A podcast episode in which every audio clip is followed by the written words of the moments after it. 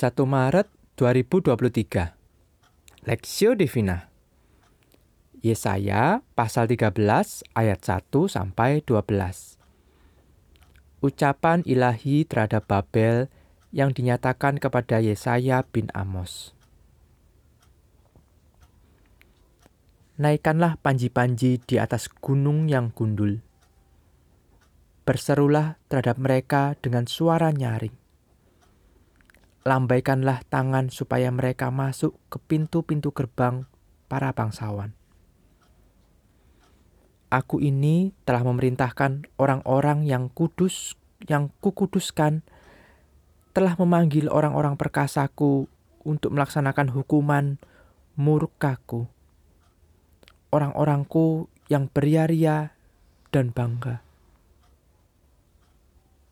Ada suara keramaian di atas gunung-gunung seperti suara kumpulan orang yang besar jumlahnya.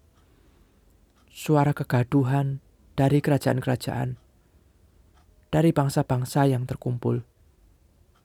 Tuhan semesta alam sedang memeriksa pasukan perang. Mereka datang dari negeri yang jauh. Ya, dari ujung langit, yaitu Tuhan serta serta yang melaksanakan amarahnya untuk merusakkan seluruh bumi. Merataplah, sebab hari Tuhan sudah dekat. Datangnya sebagai pemusnahan dari Yang Maha Kuasa. Sebab itu, semua tangan akan menjadi lemah lesu. Setiap hati manusia akan menjadi tawar, dan mereka akan terkejut sakit mulas dan sakit beranak akan menyerang mereka. Mereka akan menggeliat kesakitan seperti perempuan yang melahirkan. Mereka akan berpandang-pandangan dengan tercengang-cengang. Muka mereka seperti orang yang demam. Sungguh, hari Tuhan datang dengan kepengisan, dengan gemas, dan dengan murka yang menyala-nyala untuk membuat bumi menjadi sunyi sepi, dan untuk memunahkan daripadanya orang-orang yang berdosa. Sebab bintang-bintang dan gugusan-gugusannya di langit tidak akan memancarkan cahayanya. Matahari akan menjadi gelap pada waktu terbit, dan bulan tidak akan memancarkan sinarnya. Kepada dunia akan kubalaskan kejahatannya, dan kepada orang-orang fasik kesalahan mereka. Kesombongan orang-orang pemberani akan kuhentikan, dan kecongkaan orang-orang yang gagah akan kupatahkan. Aku akan membuat orang lebih jarang daripada emas tua, dan manusia lebih jarang daripada emas ofir. Sebab itu, aku akan membuat langit gemetar dan bumi pun akan bergoncang dari tempatnya. Pada waktu amarah Tuhan semesta alam, dan pada hari murkanya yang menyala-nyala.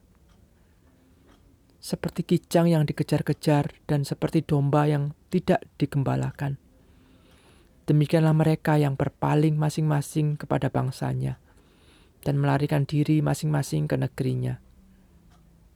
Setiap orang yang didapati akan ditikam dan setiap orang yang tertangkap akan rebah mati oleh pedang.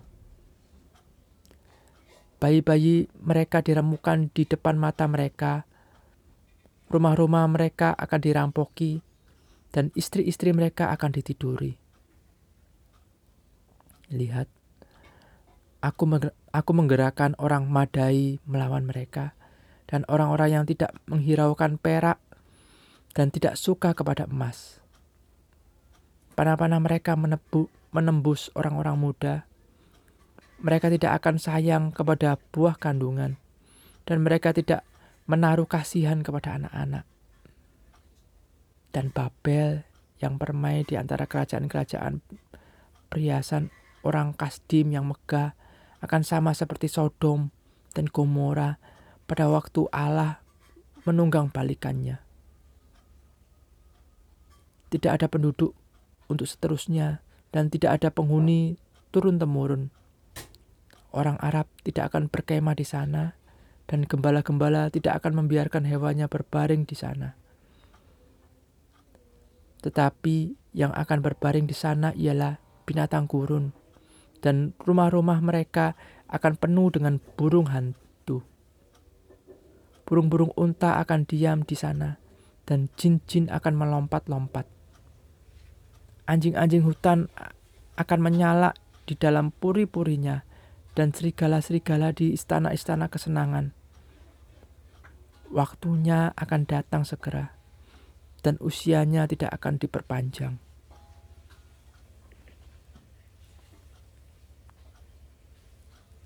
Yang angkuh, yang dihancurkan, perspektif. Naikkanlah panji-panji di atas gunung yang gundul, berserulah terhadap mereka dengan suara nyaring. Lambaikanlah dengan lambaikanlah tangan supaya mereka masuk ke pintu-pintu gerbang para bangsawan. Yesaya pasal 13 ayat 2.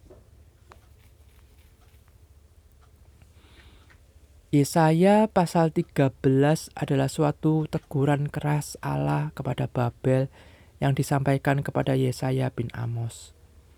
Pada saat itu Asyur masih berkuasa. Allah sudah melihat ke depan dan memberi peringatan akan apa yang bakal terjadi. Babel terus berkembang dan akhirnya menjadi negara adidaya. Di bawah kekuasaan Raja Nebukadnezar, mereka menghancurkan bait Allah, meruntuhkan kota Yerusalem dan mengangkut penduduk Yehuda ke pembuangan. Dan itulah masa tersulit dalam sejarah umat Allah. Banyak ratapan kesedihan, tangisan, dan penderitaan. Namun, saat-saat seperti itu menjadi kesempatan umat Allah untuk merenungkan kembali kasih Allah. Merindukan kembali masa jayanya bersama Allah. Jika kita perhatikan, memang benar Tuhanlah yang memakai Babel menjadi alat untuk menghukum umatnya yang berdosa dan tidak mau bertobat. Tapi bangsa ini jadi sombong dan semena-mena memperlakukan umat Tuhan. Akhirnya Tuhan membangkitkan Raja Koresi dari Persia untuk menaklukkan Babel. Umat Allah diizinkan kembali dari pembuangan untuk membangun kembali kota Yerusalem yang dicatatkan dalam kitab Esra dan Nehemia. Pelajaran dari kisah ini, Allah menguasai secara umat manusia. Mereka yang sombong akan dihancurkan. Kasih dan kebaikan Allah tidak pernah berubah. Bangsa Israel adalah umat pilihan Allah. Sebagai umat pilihan tidak berarti otomatis menjadi umat yang taat. Orang baik dan saleh. Menjalani, menjalani hidup sebagai umat pilihan mereka pun jatuh bangun dan sering gagal. Allah terpaksa harus menghukum dan membentuk mereka agar sadar dan menjadi semakin baik. Dalam proses inilah Allah mengizinkan atau bisa dikatakan Allah memakai bangsa luar untuk menghukum umat pilihannya. Namun dalam keseluruhan proses ini Allah, tetap mengasihi umat pilihannya. Karena kasihlah, maka ia mengizinkan kita, mengizinkan kita dan mengizinkan kita dihukum dan menderita. Supaya umatnya sadar, bertobat, dan kembali pada Allah. Pelajaran yang kita dapat dari bagian ini adalah Allah bisa memakai siapa pun, namun siapa pun yang dipakai Allah jangan menjadi sombong Kesombongan adalah awal kehancuran. Studi pribadi, renungkan bagian ini lebih lanjut. Bacalah pasal sebelumnya dan petiklah pelajaran baru melalui kaitan antara Yesaya pasal 12 dan 13. Pokok doa, doakanlah untuk orang-orang yang belum percaya agar Tuhan membuka hati mereka untuk menerima Yesus sebagai jurus selamat pribadi.